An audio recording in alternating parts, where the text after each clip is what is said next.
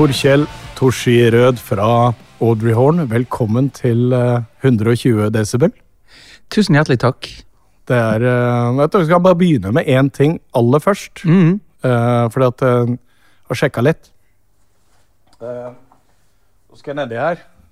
Så tenkte jeg at eh, dette er noe jeg har hørt at du eh, er fan av, så du kan bare lene deg fram og ta den. Det er en eh, det en, eh, det var det en Tipa du fikk nå. En Tipa? Å, Det er eh, IPA med Guffi, men jeg vet at du er stor fan av IPA, stemmer det? Ja, Devilfish. Det passet jo til, eh, til den nye platen vår. Devil's Bell, Devil's Fish.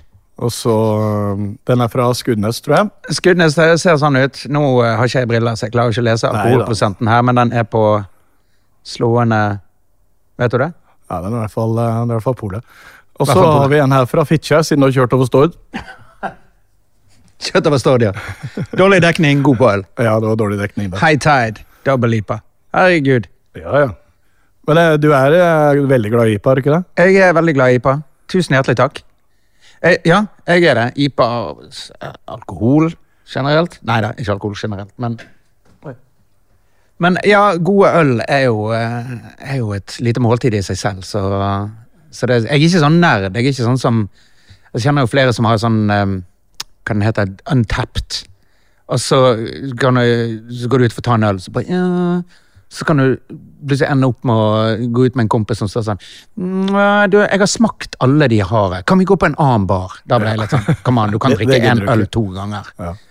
Sånn, ja, nei, men Da får ikke jeg liksom påfyll på Untapped-kontoen. liksom. Da går det litt for langt. Så så, så nerd er jeg ikke. Men eh, hvis det har gått for langt, så har du en sånn en, har du ikke det? Å, herregud. Det her er Underberg. Det her er Litt inside information livets eh, eliksir, rett og slett. Ja, vi har um, Vi har alltid um, Alltid uh, Det går mye av det her på turné. uh, som er for å si det sånn, Vi har et sånn selvpålagt uh, spritforbud på bussen når vi er ute ja, i Europa, spesielt. Og det, det er et selvpålagt, og det er vel ganske selvforklarende hvorfor det finnes et selvpålagt spritforbud.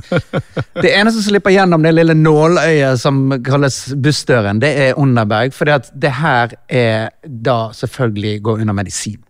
Det her er en digestive, det her er, så det her, det her er lov å ta med inn på bussen. Så Underberg, Hvis du, kommer, hvis du kommer med en flaske whisky eller tequila, så stopper noen deg og sier at det her kan ikke være på bussen. For det, det er aldri en god idé når man har uh, seint ute i de sene nattestimer, når man har inntatt en del øl og vin og sånn, at noen finner ut at tequila, det er det vi trenger nå.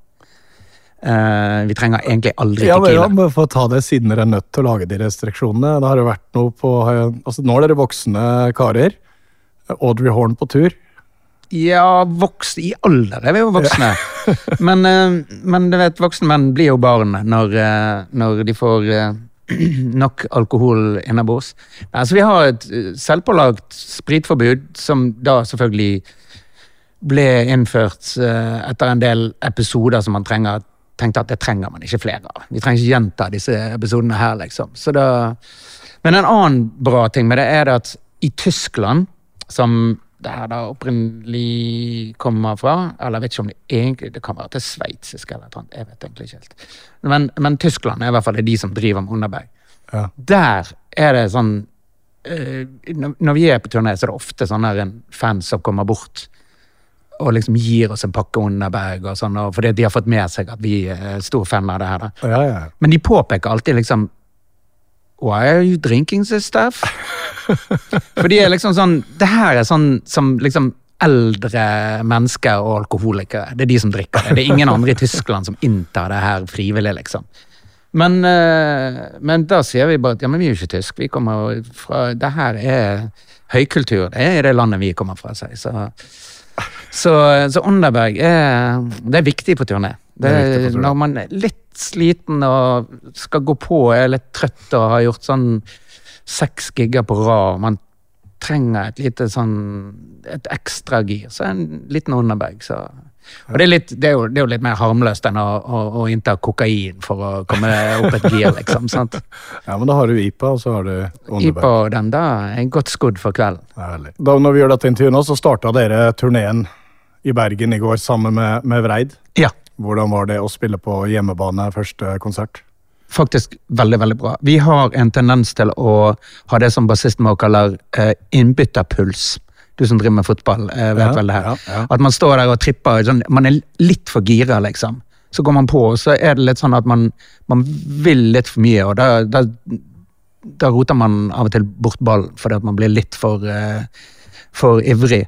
Så um, og- og da blir vi Det som på en måte fører til den der eh, såkalte innbytterpulsen, det er jo sånn at man begynner Hvor mye billetter har vi solgt nå? Eh, skal, eh, skal vi gjøre noe spesielt med scenen? Skal vi bygge ut noe? Skal vi ha sånn og sånn? Skal vi ha backdrop-skifte midtveis i konserten? Så begynner man å ase seg jævlig opp.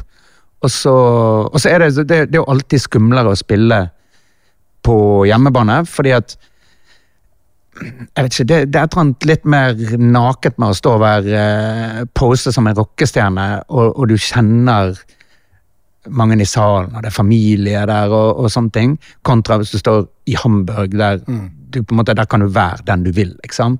Det er meg selv som bestemmer hvem jeg er som, som karakter der, liksom. Mens hjemme så er det litt sånn Ja, altså, vi har på en måte sett deg stå og dumme deg på en bar, eh, sånn som vi eh, Eller følt eh, på binder du deg litt mer da, eller? Hmm? Binder, Ja. binder du deg litt mer? Altså, det, det, er jo altså, eh, Mellomrommet mellom småbarnspappaen som følger i barnehage, og, og rockemusikeren er jo på en måte Mellomrommet der er litt kortere i Bergen enn det er i, i si Hamburg, liksom. Så så man blir jo litt mer nervøs og sånne ting. Så, så hjemmebane er alltid litt skumlere. Eh, men i går så hadde vi sånn Så ble vi sånn før konserten så var vi veldig sånn Vet du hva?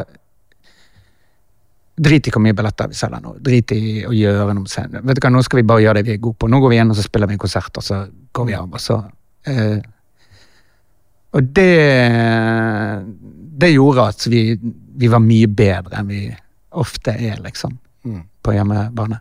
Ja, men er det første gang det, det Altså, det er jo sånn i fotballen, og du nevnte det. altså Du er spent før kamp, det er kanskje serieåpning og sånne ting. Akkurat samme med dere, så har du fått noen teknikker på å um, Ja, lære altså- deg det bedre? Ja, man gjør jo det. Man, Ja. man, man blir jo bedre på å på måte å senke skuldrene.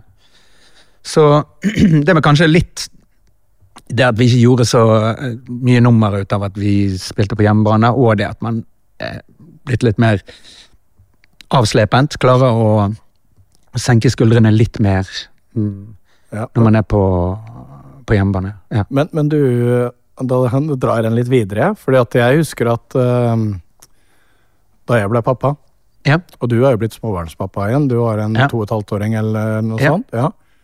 så var det litt lettere å være avslappa når jeg møtte til kamp, fordi og da ble dagen fylt opp med, Mm. med de. Ja, det er jo noe med det å, å på en måte På en måte Følge en datter i barnehagen, og så gå hjem og støvsuge litt, og så går du på lydprøve. Eh, da blir det litt sånn ja, Du går, man- du går ikke rundt og tripper så mye da, vet du, for da, det, da kan du ikke tenke på det likevel. Sånn, Nei, Det- altså får du, annet, altså det er jo et annet fokus. Nå har jeg jo jeg voksne barn også, men så jeg har på en måte alltid hatt det. Men, men når du plutselig har et lite barn igjen, så, så er det noe med et, på en måte et skjerpet fokus på hva som er viktig i livet, liksom. Mm. Å spille i, spille i band og stå på scene er gøy og, og viktig på sine måter, men det er jo ikke viktig i forhold til for eksempel det å ta vare på et lite barn, liksom. Nei. Så blir jo det en helt annen sak. Og nå er du her i Vi sitter nå i et eh, siderom til ovenpå i Koppevik. Mm. For dere er på turné med Breid, som, eh, som nevnt. Ja. Eh, og det skal holde på nå i ei uke pluss, er det ikke det? Jo, eller altså, det, det er jo mye sånn sånn som det ofte er i Norge, at man spiller mest sånn konsentrert rundt helger. Så det er liksom denne helgen og neste, og helgen etter. Og så er det rett er det til rett til, Tyskland? til Tyskland, ja. Nå er det en eh, delt konsert, sant? Det er ikke noe headliner-oppvarming. Nå deler dere Vi deler 50-50, broderlig. Ja. Vi har lik spilletid, og, og så bytter vi på hvem som spiller først og sist, ettersom hvor vi er, liksom. Men i Tyskland, der er det headlinere. der er vi headlinere. Hvordan er eh, mottagelsen, eller hva slags mottakelse får Audrey Horn i Tyskland? Den har jo vært veldig bra til nå. Nå har vi jo ikke vært der på eh, to og et halvt år. Siden covid? Vi, var jo, vi var jo på turné i Tyskland faktisk når de stengte ned samfunnet. Og dere var der da? Ja, Så da måtte vi jo bare avbryte turneen og kansellere resterende av turneen. Og så måtte vi bare pakke kofferten og dra hjem igjen. Ja. Noe som var mm, eh, Var veldig kjipt. eh, og litt sånn eh, Da når det her skjedde, så var det liksom Det var jo ingen som helt skjønte hva som egentlig foregikk, og Så det var litt sånn på turneen Vi, vi hadde jo med oss noen andre band, et tysk band blant annet. Uh, og de var veldig sånn Men det er jo tull. Vi, må, altså, vi kan jo fortsette. Det er jo, samfunnet er jo altså, Det er jo ingen som nekter oss. ja. Da måtte vi bare si liksom «Men Vi er fra Norge, og der vi må følge de retningslinjene. De sier, Nå sier de at alt sånt er slutt. Da må vi nesten bare forholde oss til det og dra hjem. Men vi dro jo hjem sånn, vi satte jo igjen all merchandise og tenkte at ja, ja, det går noen måneder, så er vi tilbake på veien igjen. liksom. Ja. Så vi tenkte at det, det kan jo bare stå her i mellomtiden. Det har stått der i to og et halvt år nå. Og det tenkte vel alle? Ja, ja det var det Altså, som var poenget. ja. At det var liksom Det var ingen som visste Eller noen visste sikkert, men vanlige mennesker visste jo ikke helt hva som lå foran dem, liksom. Så Ikke i det hele tatt. Hva, slags eh, Størrelsen på de lokalene dere spiller på i, i Tyskland, eksempel? Altså, de varierer, men de er vel sånn rundt eh, Alt fra type den klubben vi spiller på i kveld, til mer sånn eh, 500 til 1000 kapasitet, liksom. Eh, så, så det varierer litt fra by til by. Sånn Tyskland, Nederland, Frankrike er jo på en måte land som vi har et godt publikum i. Mm. Og så drar vi jo ofte sånn på turné, så er det plutselig innom andre land. Og, så vi kan liksom risikere å spille for 30 mennesker plutselig en kveld. liksom. Hvis det er en by der vi ikke har noe stort publikum, men noen finner ut at hei, vi prøver å spille her også, liksom. Ja. Hvordan er det, Hva gjør det med dere? Klarer dere å kjøre på uansett? Ja, det har vi alltid gjort. Ja. Vi, har alltid, vi har alltid tenkt sånn at vi har det gøy uansett. Vi syns alltid det er gøy å spille. Ja. Det kan være På turné så har du dager der du tenker sånn Du kan sitte i bussen og tenke sånn Hvis det fins en fyr jeg kan betale for å gjøre min jobb nå, så har det lett punget ut mye penger for å bare gå og legge meg. For man er sliten og, og sånn. Men så girer man seg litt opp, og så får man en underberg. og, så, og, og, så, og så går man på scenen, og så har vi det like like jævlig gøy hver kveld, liksom. Det er veldig, veldig sjelden at jeg står på en scene og og tar meg selv i å tenke på hva jeg skal spise etter konserten, liksom sånn. Det kan skje hvis hvis man bare rett og slett er sliten nok, liksom. Men øh, altså, man har, vi har det jo stort sett alltid veldig, veldig gøy. Så vi har det gøy om det er 30, eller om det er 500, eller om det er 1000, eller whatnot, liksom. Men Og så er det òg noe med å ha respekt for at de som kommer der, de har betalt en billett like mye som hvis det var 500 mennesker der, liksom. Så de 30 som dukker opp der, de, de skal få det showet. Og da får de ofte kanskje nesten enda mer, for det at da blir vi litt sånn De 30 her skal faen gå herfra og, og, og føle at de opplevde noe spesielt, liksom.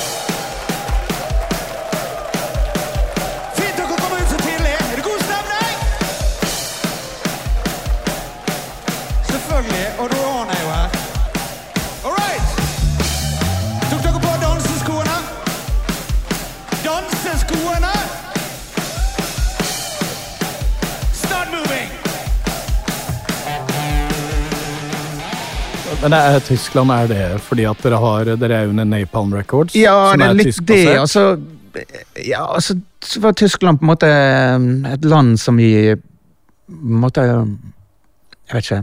På en måte pressen der og sånn hardrock-pressen og og radio og sånn begynte å, å måtte promotere oss ganske tidlig, og spesielt på, på Youngblood-platen så, så fikk vi liksom et ordentlig eh, fotfeste der. Og så har vi turnert med det. for Tyskland er, det er 80 millioner mennesker, og det er veldig mange som liker hardrock der. Så det er liksom et sånt land som driver med hardrock, så er Tyskland et safe marked å prøve seg på, liksom.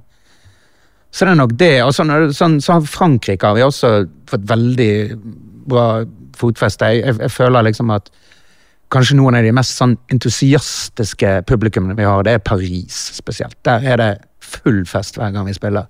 Okay. Og det var, det var den festivalen Hellfest som åpnet de dørene. Ja, vi vi okay. hadde null og niks eh, i Frankrike, og så spilte vi Hellfest et år. Og så merket vi at det ble mye mer interesse derfra, og så ble vi invitert tilbake to år etterpå og gjorde en ny jobb der.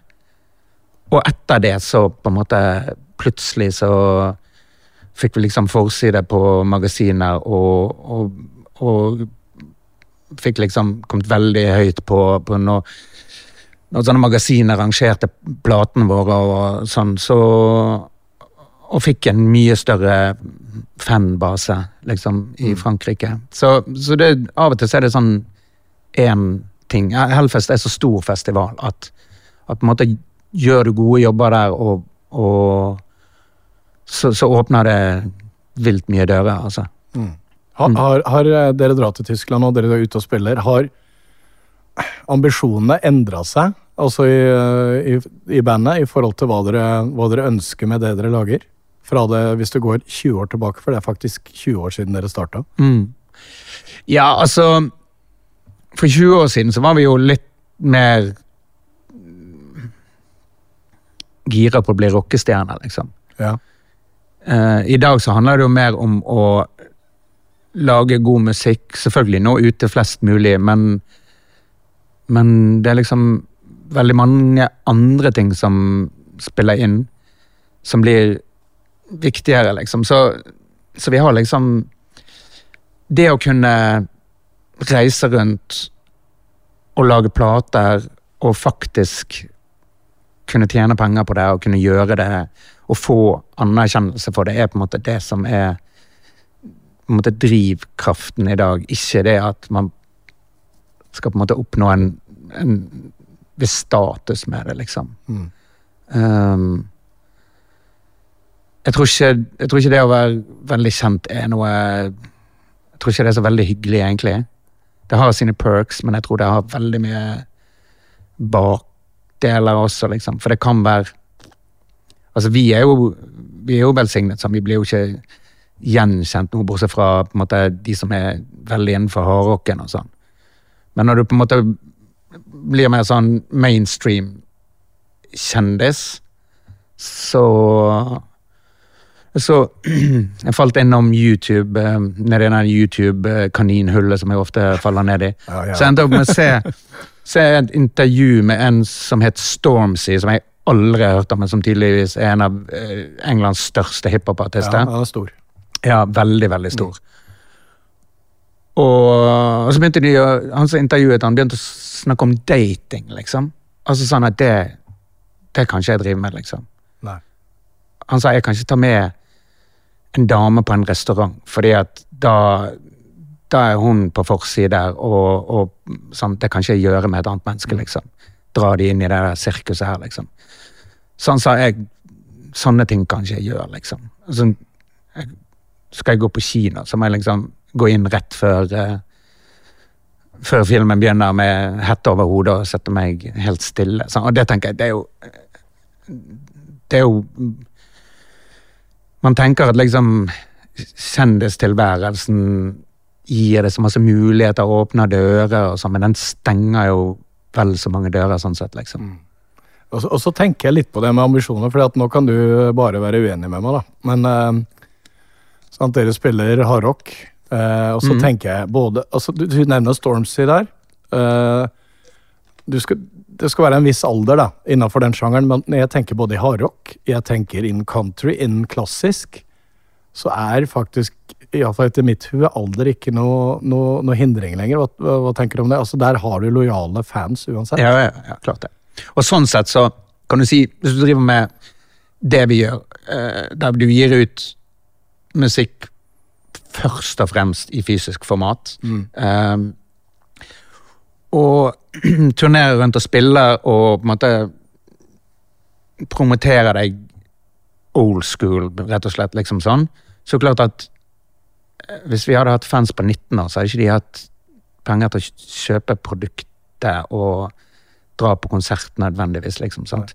Men vi har jo tross alt, altså de som digger hardrock, den type vi driver, det er stort sett folk som er godt etablert og relativt pengesterk. Så skal man se helt kynisk på det, så er det jo en perfekt eh, publikum å ha, sånn sett.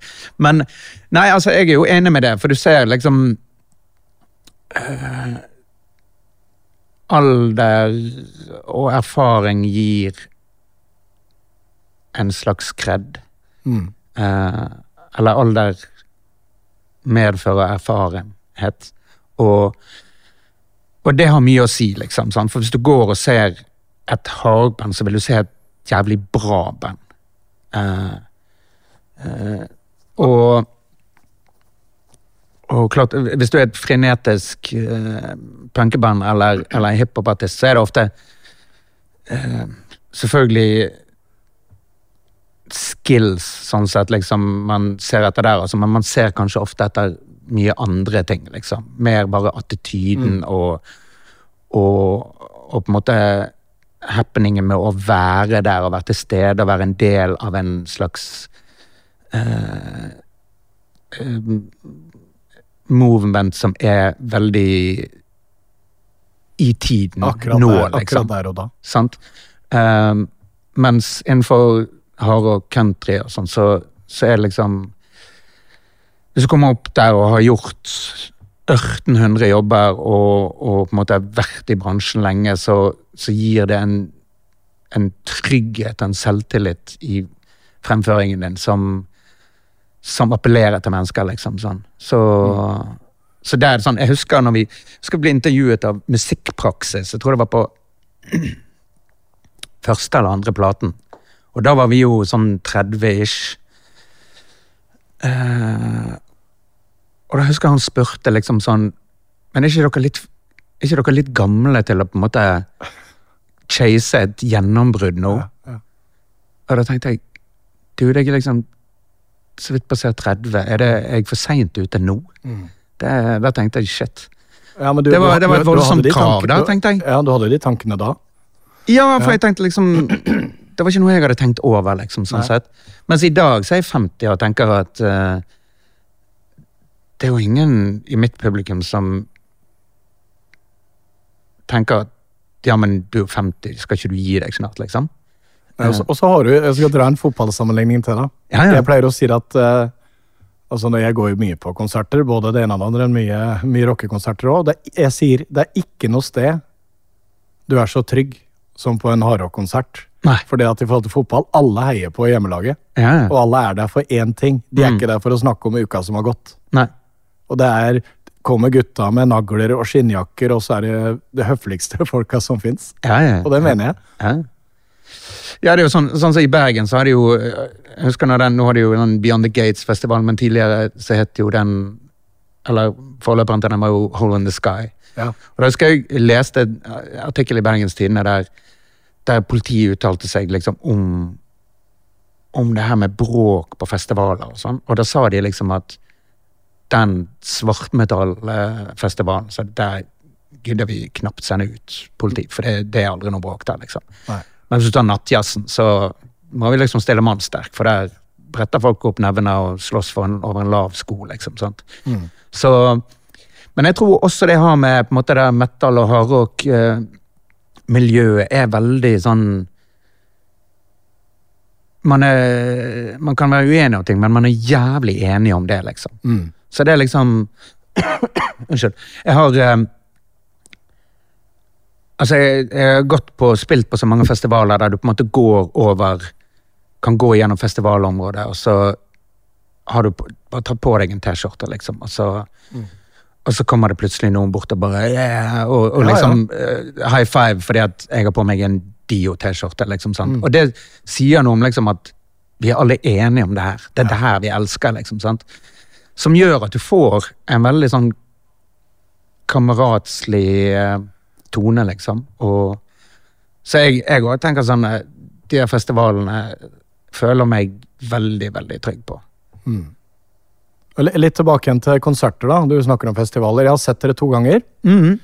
Eh, ikke som headliner, men jeg så dere i 2010 for, på Valle Hovin for, for ACDC. For ACDC. Ja. Uh, og jeg så dere akkurat nå i sommer med Dropkick Murphys og, og Volbeat. ja, stemmer. Og så har dere turnert med, med, med Danko Jones, eh, blant annet, og flere Mm. andre. Så hva, hva, gir, eh, gir en sånn eh, opplevelse som f.eks. ACDC Volbeat kontra det å være co-headliner, eller Altså, Største forskjellen er jo ganske obvious. Den er jo liksom det at altså, når, vi, når vi headliner, så er jo på en måte folk der Ja. først og fremst. Eller kun for oss, da, liksom.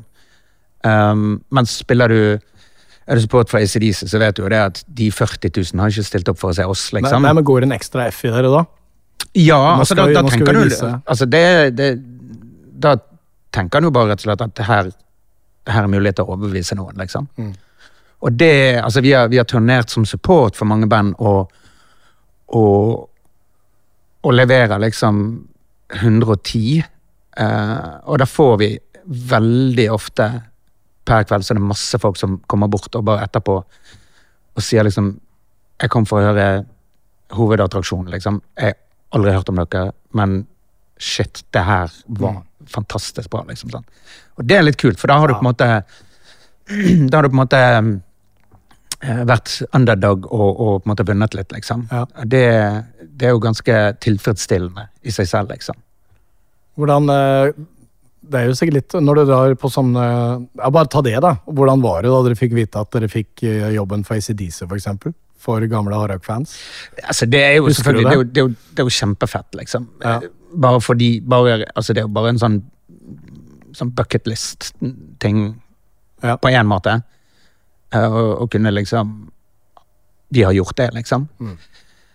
Og så er det også eh, selvfølgelig eh, altså, sånn, Når vi har vært support for et større band, det har vi jo vært ved en del anledninger, så er det jo det er ikke sånn at du liksom blir kompis med det bandet. og sånn. Altså, er du, I noen tilfeller så ser du det ikke. Altså, du møter ikke de engang. Altså, de som traff vi aldri. Nei. Ja, de kom seint. ja, de kom sent, og, og, og dro rett igjen. Ja. Eh, Hadde det ikke vært for det, så hadde vi nok uh, møtt de og, Ja. og, og fått hengt ut og preket litt med de. Sånn. Men blir dere behandla bra sånn lydmessig og sånn? Er det, og hvordan er det i, eh, nå, i forhold til som support? Får dere Altså, ja, altså, som, som support for sånn er du, support for et band som er decent size, for å si det sånn, så, så blir man Har vi bare møtt på en måte vennlige, velinnstilte folk, liksom. Når du gjør for sånne større, så er du Da er du litt mer noen som er litt i veien. Fall for, Sikkert ikke for bandet, de driter nok i det, men, men for crewet så er du litt sånn Du er noe de, de må forholde seg til ja. i tillegg til alt det de forholder seg til ellers. Og da, på, for å gi et lite inside-tips, da. På ACDC så bestakk vi de. Rett og slett. Med Med, med cash. Ja, ok. Ja. Vi, eh, vi hev eh, et visst antall euro, eh, en, god, en god sum euro i en konvolutt, og ga til eh, han som var turnérmanager, og så sa vi at det her er til drikkefondet til crewet. Og da var de veldig vennlig innstilt. Ikke fordi at de hadde blitt Jeg vet ikke hvor mange de var, men de hadde sikkert ikke klart å bli så veldig fulle hele gjengen på, på det. nå, Men det er noe med, med gesturen om å si at vi vet at dere kanskje ikke syns at det her er det feteste, å få et totalt ukjent band opp i trynet som plutselig skal ta plass og, og, og komme og mase og spørre om ting og sånn. Så da har du på en måte sagt det, at vi vet det. Og da Crewet til ACDC behandlet oss helt strålende. De var superfete med oss. og Så, så det hjelper jo alltid å bestikke folk, da. Men, men når dere er ute på veien da, sammen med band, hvor lett er det å finne den kjemien med det bandet dere, dere er? det- stort sett går det veldig, veldig fint. Ja. Det er Altså, det er noe med at er du på en måte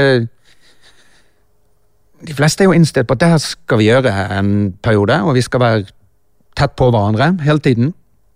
Så vi har fremdeles til gode å eh, møte Vi, vi hadde én turné der det var på en måte et headliner-band, og så var det et sånn special guest, og så var vi support. Ja. Som det veldig ofte er på turné, liksom. Vi har gjort mange sånne, både som headliner og special guest og support, liksom. Men eh, der vi var support, og da var de som var headliner, var superkule. De som var support, de eh, De hadde nok et annet markeringsbehov eh, for oss, og, og de var De var ikke sånn direkte kjip med oss, men de gjorde alt litt vanskeligere for oss. Og måtte liksom dra ut lydprøven sin litt, for at, som gjorde at vi fikk veldig kort lydprøve. Sånn, sånn, som, var, som vi merket var sånn, det var et markeringsbehov. Ja. Og da tenker vi vet du hva, fuck you, hvis du skal være så liten, så får du bare være det. Vi, da, var vi, da går det en faen i oss og bare tenker ok, vi har 15 minutter lydprøve, det skal vi faen meg klare. Og ta oss et kompliment, kanskje de så på det som en trussel at de eh, skulle stikke litt kjepper Ja, kanskje. I don't know. Men, men, men, men altså Det er noe av det eneste Altså, vi har turnert med band som jeg har Altså, jeg kan nevne to eksempler. Ett band som kom på bussen, og jeg bare tenkte Herregud, hva er det her for en gjeng? Mm. Og så ble det kanskje det bandet som vi ble, har blitt best kompis med av alle vi har turnert med noensinne. liksom. Og da kan du si hvilket band var det? Det var Solstafir fra, fra Island. Fra Island, ja. Ja, når de kom på, så tenkte jeg bare sånn Å, herregud, det her, er- her har vi en hippie-invasjon, og jeg, tenkte, jeg så for meg at ja, her blir det mye Mye saus og hasj og, og sånn. Men de var dødsbra folk, da. Virkelig, virkelig eh, fantastisk fine folk. Og, og et fantastisk band. Og, ja, og de, de har jeg masse kontakt med i dag. Liksom, som vi ble veldig, veldig gode venner. Og så var vi support for Vi ble spurt om å gjøre support for Papa Roach på en del datoer okay. i Europa. Og da tenkte jeg Really? Skal, ja, ja. Så tenkte vi sånn Ok, men de er jo De har sikkert et decent publikum, så hvorfor ikke? Men så begynte jeg å, når det nærmet seg, så begynte jeg å liksom se på størrelsene på venuen, og så tenkte jeg faen, de har vært sånn stadionband, de her. Altså i storhetstiden sin, liksom. Nå er de jo litt på vei opp igjen, de. Sånn i størrelse. Men den gangen så spilte de sånn to 2000-3000 kapasitet, kanskje. Som var ganske lite i forhold til det de var vant med å gjøre. Og jeg så for meg at jeg så for meg et band som på en måte har hatt en storhetstid, og så er de plutselig så er på en måte momentet deres borte, og, så, og, og kanskje sjangeren de, de eh, befant seg i, ganske ligger brakk, liksom. Så jeg så for meg liksom at de var sikkert ganske primadonner og litt bitter på at ikke ting var så high end som det pleide å være, liksom. Så jeg så for meg at der kan vi kanskje bli behandlet litt kjipt. Så jeg tenkte ja, vi får bare innstille oss på det. Og så var de så vanvittig kule med oss. Altså, det var superhyggelige folk. Um, hang ut når vi gjorde lydprøver, hørte på oss, og, og virkelig så ut som de digget musikken vi holdt på med, liksom. Og så vi gjorde én jobb der scenen var svær, men var veldig grunn. Så skulle vi liksom, og da var det da var det eh, Papa Roach, og så var det eh, et band som spilte Som var en sånn special guest, som jeg har jernteppe på akkurat nå. Det kommer jeg sikkert tilbake igjen. Men, eh, og så var det oss, da. Og da måtte vi jo rigge opp foran. Og da ble jo trommene våre stående helt på scenekanten. Så jeg kunne ikke stå foran trommene, jeg måtte jo stå på siden av dem i så fall. Og da kom han trommisen i Papa Roach inn, og så så han det, og så var han bare sånn Herregud, det her funker ikke. Og så var bare hentet han crewet bare Vet du hva, vi må rigge ned mine trommer. Bare rigg det vekk. Og så rigger han opp der, og så Når de er ferdige, så rigger vi om igjen. Yes. Og det er ikke mange band som gjør det. altså. Nei. Det er det ikke. Det koster jo ikke så mye, men de fleste gjør det ikke av prinsipp, at de gidder liksom ikke å, på en måte gjøre det mer vanskelig enn de, enn de det, må. det liksom. Altså, jeg hadde Torstein Flakne her for uh, noen episoder siden. Uh, det blir mye stund siden nå. Han sa at de var på tur med Mr. Big. De var dritkule med dem. Mm. Eh, og så en annen anledning så forsvant eh, forsvant gitarrodien til Flakne fordi han ble tatt med marihuana på grensa til Canada. eller sånt. Og så skulle, han- skulle han få låne John Sykes sin uh, gitarrodie. Uh. Eh, ja, men det ville ikke Sykes ha noe av i det Nei. hele tatt. Så det er litt sånn uh, forskjell fra det du forteller nå. Så du kan oppleve begge deler. Men, men eh, f før du går på scenen, da eh, Er du en sånn fyr som har ritualer, eller? Nei, jeg varmer opp. Jeg er religiøs på å varme opp stemmen. Ja. Um, Det finnes mye sånne apper nå på Spotify og alt. Med, Ja, eller, eller bruker du deg sjøl kun? Nei, jeg, jeg bruker rett og slett eh, Jeg husker på eh, Jeg lurer på om det nettopp hadde sluppet andreplaten, så gjorde vi en liten festival et eller annet sted i Norge. Og så Og jeg var, med, jeg var bare sånn mm, mm, eh, Mumlet bare noe for meg selv og skrek litt, og så gikk jeg på. Og så var det vokalisten i et band som het Breed fra Oslo, som kom bort til meg og bare 'Varmer ikke du opp?' Jo, øh, jo. Og så eh, påpekte han at yeah, Jeg vil ikke kalle det oppvarming, det du driver med, liksom. Ok. Eh, Så han eh, Så sa han at se her, så skriver jeg ned Det her er en DVD med en, en eh, amerikansk eh, sangpedagog da, som har spesialisert seg på hardrock og metal. Som heter Melissa Cross. Og hun hadde gitt ut en DVD som het The Sand of Screaming, der hun lærte vekk litt triks, liksom. Og, og i den så fulgte det med en CD med, med oppvarmingsøvelser. da, sånn en for hver, liksom Om du var tenor eller baryton, eller du måtte bare finne den som passet din stemme. liksom. Og så bestilte jeg den på nett og så på den DVD-en og på en måte lærte meg litt om det med å bruke magen istedenfor halsen. Puste med magen og, og et par sånne triks som jeg måtte har eh, brukt og på en måte videreutviklet etter hva jeg tror er effektivt, rett og slett. Og så um, Og så Men så den oppvarmings... eh, de oppvarmingsøvelsene der, de har jeg brukt siden. De bruker jeg fremdeles. Ok, det er det samme.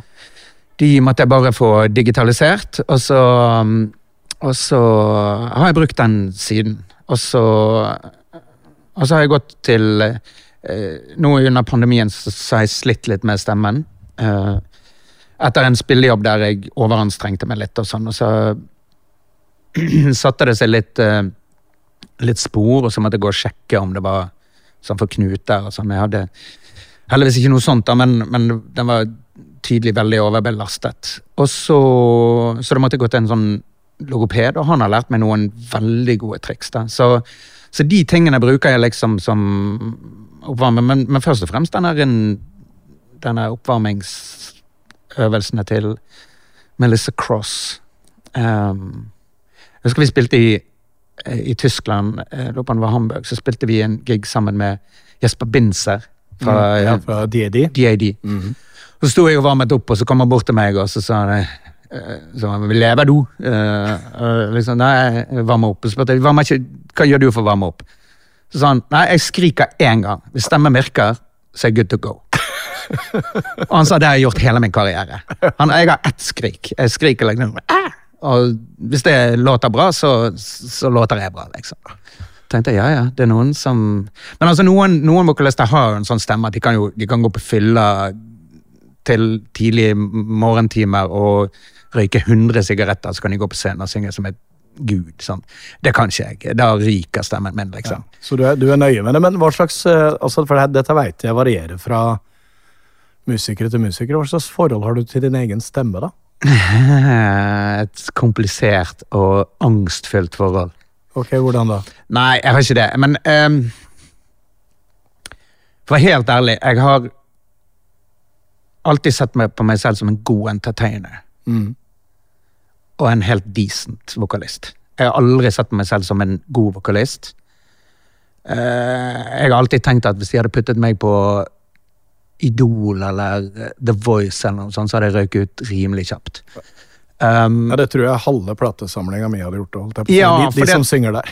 Ja, jeg har aldri, jeg har aldri hatt et talent. Jeg begynte å synge uh, i band fordi at jeg kom fra et lite sted og vokste opp med en far som spilte i band, og som fremdeles spiller i band. Han, min far er 75, og han spiller ute støtt og stadig fremdeles. Hva slags musikk spiller de? Uh, det er jo mye sånn, det er jo sånn coverlåter, så det er mye Jeg har vært og hørt de flere ganger. Det er alt fra på en måte Allman Brothers til Chris Christofferson til um, Hellbillies. Altså de er, men, de, men de er liksom innenfor americana, country, rock, Ja, ja. eh, sørstatsrock eh, Det sjiktet der, da. Men i hvert fall, jeg Ja. eh, så jeg, når jeg var liten, jeg ville jo bare starte band. Jeg. Uh, eneste ville. Når jeg gikk på barneskolen, så startet jeg et band. Sammen med noen andre. Uh, jeg tegnet plakater, laget bandnavn, logo, eh, skrev tekster. Det eneste vi ikke gjorde, var å lage musikk eller spille eh, instrumenter. Men det var mitt første band, da. Um, uh, Husker du hva dere het?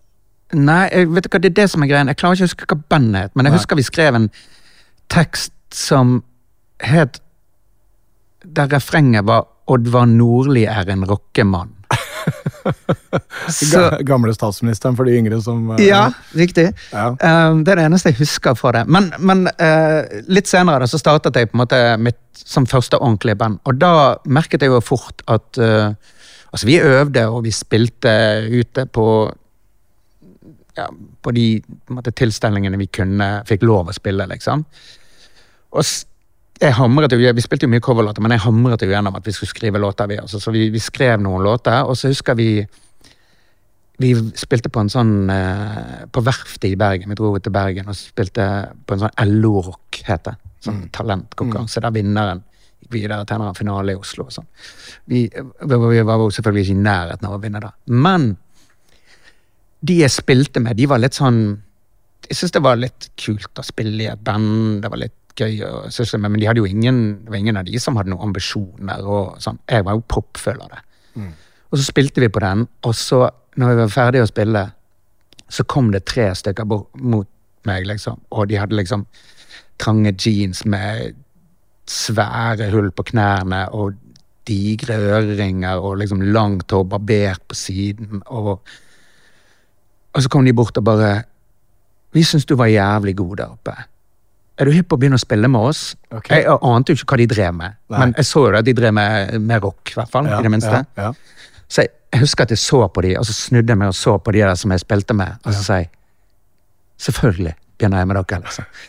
Uh, for jeg så det at de her det, det- altså det lyste ut av det. De her vil noe, liksom. De, de her eh, Og det, det var et band som het Locomotive Gang. ja, var det jeg skulle spørre om. Det Ja, De og, det og til, det var på en måte det første ordentlige bandet. Locomotive Gangbang. Det ligger ute på YouTube, nå klipp det fra dere. Ja, ja, ja. Um, nå husker jeg ikke hvorfor vi begynte å snakke om det, her, men, Nei, men det var jo hvordan du begynte å synge. Og. Ja, jo, det var det, ja. Vi var, det er meg som vokalist, ja. Det var det, ja.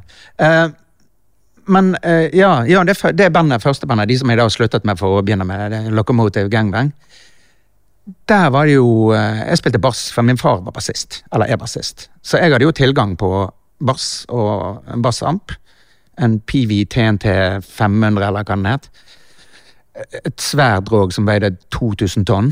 Um, og sånn var det jo stort sett. Startet det første band. Du, du spilte det instrumentet du hadde tilgang på. liksom. Sånn, så, så Trommisen hadde en far som var trommis, og keyboardisten hadde en onkel som spilte keyboard. og sånn. sånn.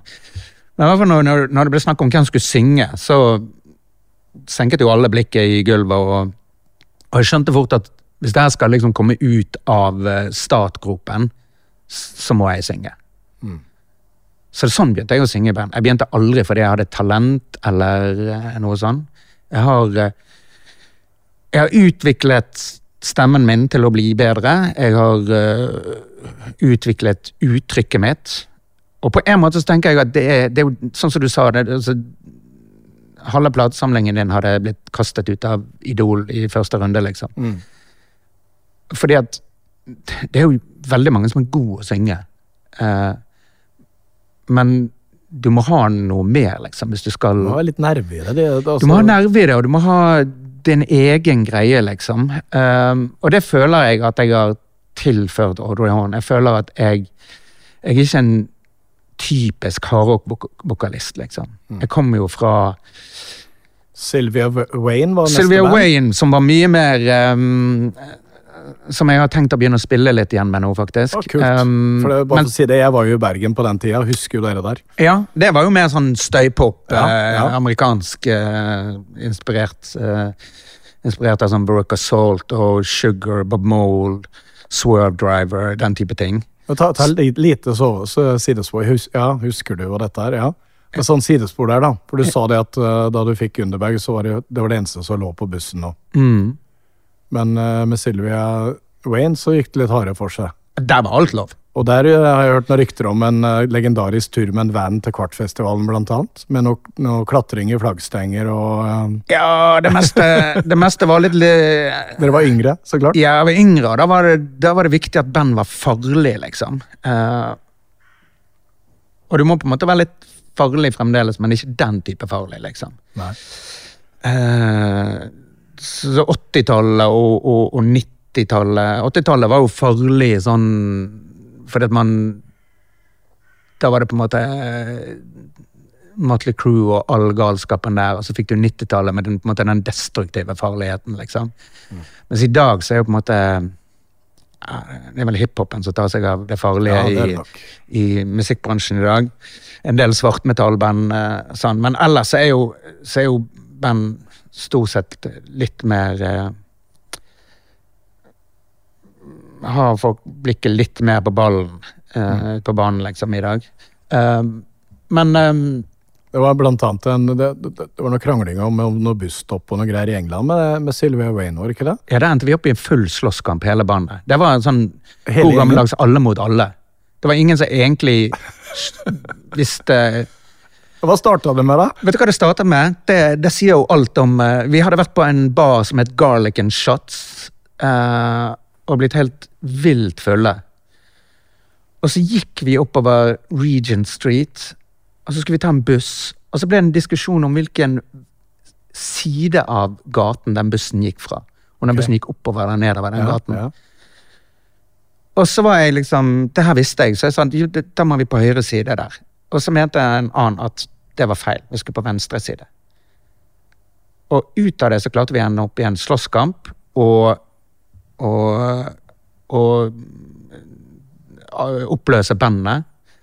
Masse ting. Og så våknet vi i en leilighet i London på en madrass, eller noen madrasser på et gulv og på en sofa og noe sånt. Og så husker jeg at Martin han så på meg, og så sier han Oppløste vi bandet i går? Så jeg, ja, jeg tror det. Sånn.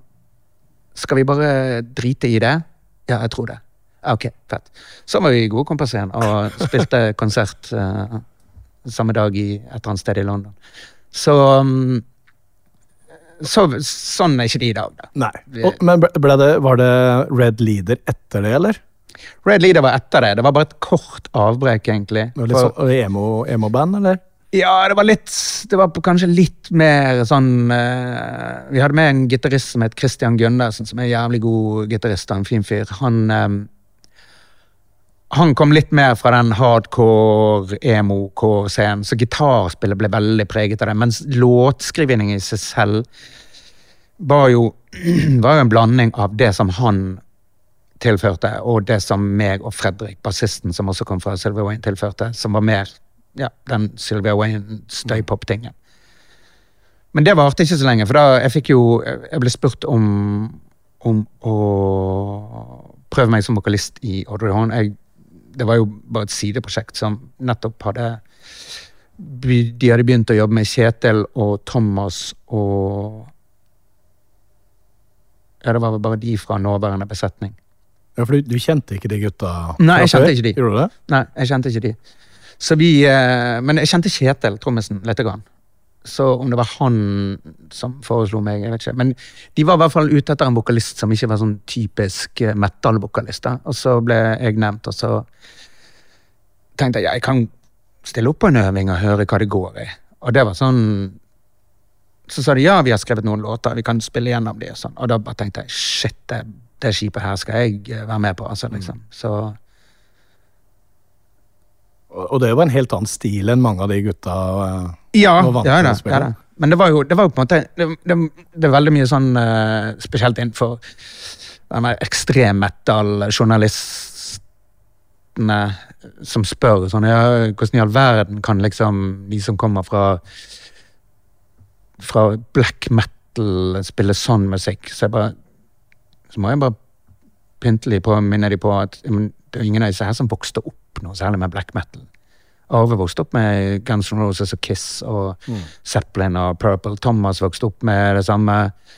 Um, altså Så jeg, sier vi spiller jo musikk som vi alle har vokst opp med. Altså jeg òg kommer jo sånn sett fra mer sånn uh, powerpop, støypop-sjanger, Ja, ja, liksom. da, og, og Men på en måte fundamentet til alle sammen er jo det at vi vokste opp med disse bandene her, liksom. Så det er jo, Men, men du møtte ikke alle i bandet med en gang? Nei, meg og Arve, vi krysset liksom aldri Vi hadde en sånn eh, Av uante grunner, så var liksom når jeg var på øvingen, så var ikke han der, og motsatt. Så han traff jeg på Garasje i Bergen. Han kom bort og pikket meg på skulderen og sa er det, er det du som er Torkjell? Ja, sa jeg. Så ja, hei, jeg heter Arve. Vi spiller i band sammen. Og det var litt sånn, ok, hyggelig. Og nå, Vi skal ta litt mer om det, men dere har gitt ut en plate i år. Mm. Uh, Devil's Bell Mm. kom i april. Ja. Uh, vi har fått lov av Napalm Records å spille. Jeg kan si det til de som pleier å høre på dette programmet, at noen lurer på hvorfor spiller du ikke alltid låter. Nei, fordi at av og til så skal de store plateselskapene ha 5000 spenn for at jeg får spille 10 sekunder. Ja. Og det har ikke jeg budsjettet. Men Napalm Records i Tyskland de sa ja på sekundet. Mm. Og da, da vil du at vi skal spille Ashes to Ashes først nå. Hvorfor det? Fordi eh, Det er en av mine absolutt favoritter på den platen. Den, jeg husker når Thomas kom med liksom grunnideen til den. Som Med en gang så tenkte jeg shit, det her høres ut som et uh, Da var riffet litt annerledes, ble spilt litt annerledes, men det, men det hørtes ut som en det hørtes ut som noe gammel Motley Crew, og jeg bare tenkte sånn Shit, det her Den greien her har ikke vi gjort så mye av før, liksom. Jeg, jeg synes det, det og så, og så jobbet vi med låten, og så er det sånn som det alltid er. Thomas jo Når han skriver et eller annet, eller Arve skriver et eller annet, så har de jo kanskje en Lager de seg en idé om, i hodet om hvordan vokal skal være, og så kommer jeg inn og torpederer det fullstendig med å levere noe helt annet, liksom. Um, som de stort sett er happy med at jeg gjør, da. Men eh, Ikke alltid, kanskje, men stort sett. Men eh, nei, jeg syns også er låten er liksom eh, Jeg vet ikke, den har på en måte en, en energi og en groove. Jeg syns den er Den har et veldig catchy refreng. Jeg jeg syns det er en veldig god låt. Jeg digger den. Den er jævlig gøy å spille live. Da setter vi på Ashes to Ashes.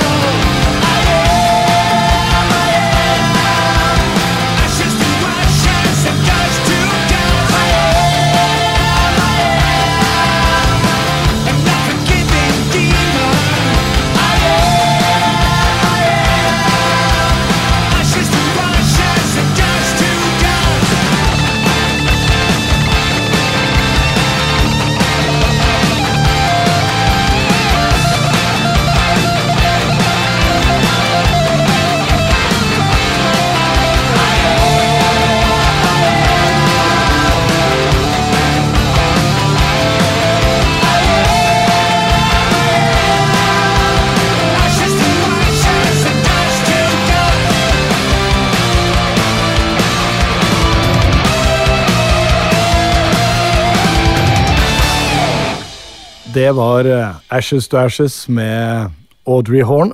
Og sitter fortsatt her med Torkjell Rød, vokalist i bandet. Eh, kanskje jeg er litt ute på tynnis nå, men jeg tenker den siste plata her Ja. er det litt mer, litt tyngre riff eh, litt i forhold til det som har vært gitt ut de siste par platene. Hva tenker du om det?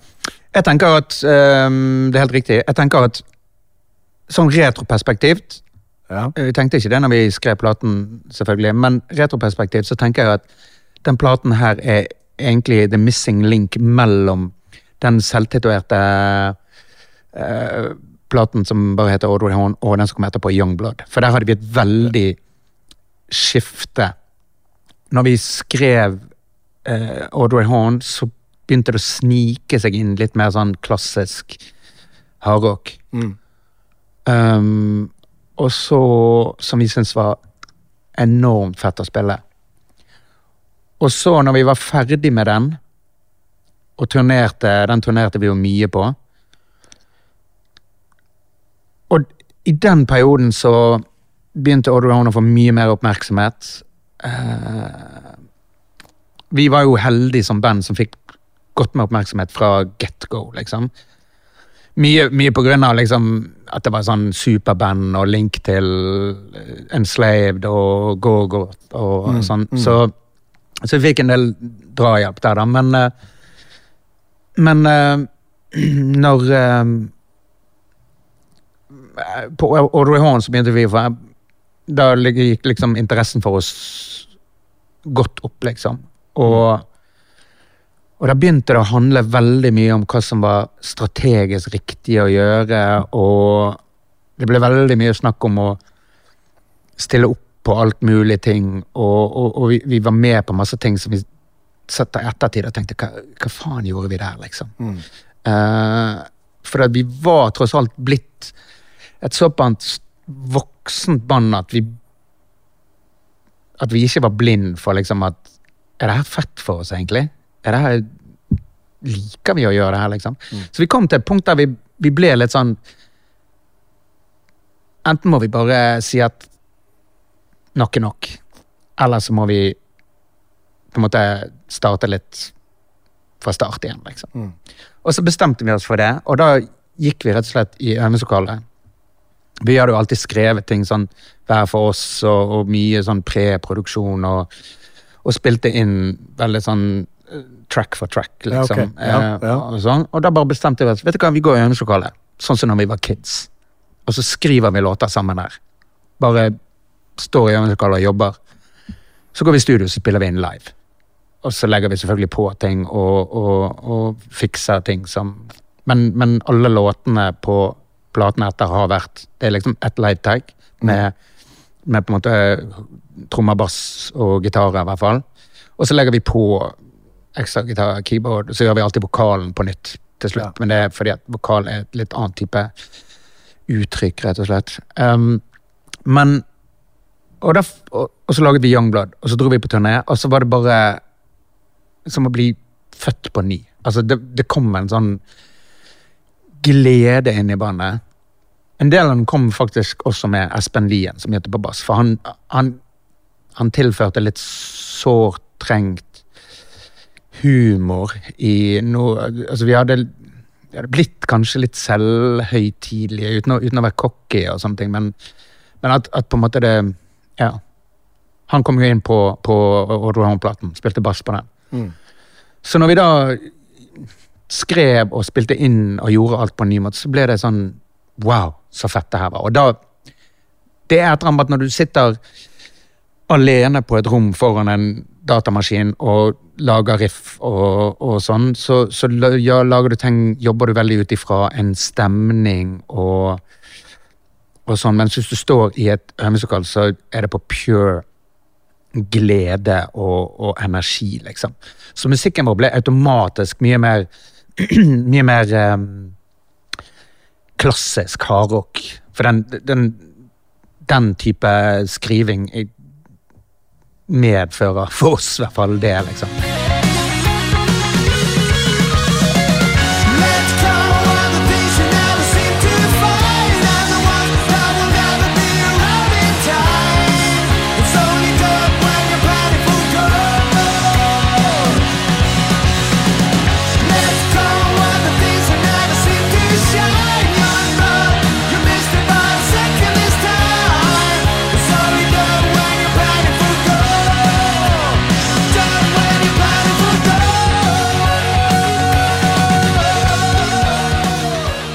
Dere vant Spellemannprisen dere for første plata deres Mm. i 05.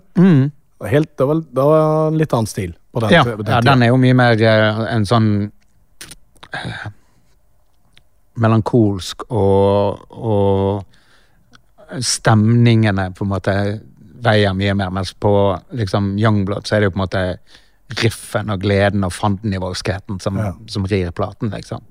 No Hey Banda, var det det? Mm. Ja. Jeg husker, jeg husker at plateselskapet vårt den gangen laget en sånn, eh, en sånn TV-reklame eh, som gikk. For da, da drev man jo mye med det. Sånn, sånn, er jo Solgte fortsatt Ja. Med mindre du er Springsteen eller Madonna, så det er jo ingen som gidder å lage en TV-reklame for plater lenger. Men i hvert fall så laget de en Fikk de laget en, og så fikk vi se den, og så var det bare sånn Audrey Horn eh, med sin debutplate No High Bandene. Og der satt vi bare med ansiktet i håndflaten og bare Herregud, er det mulig?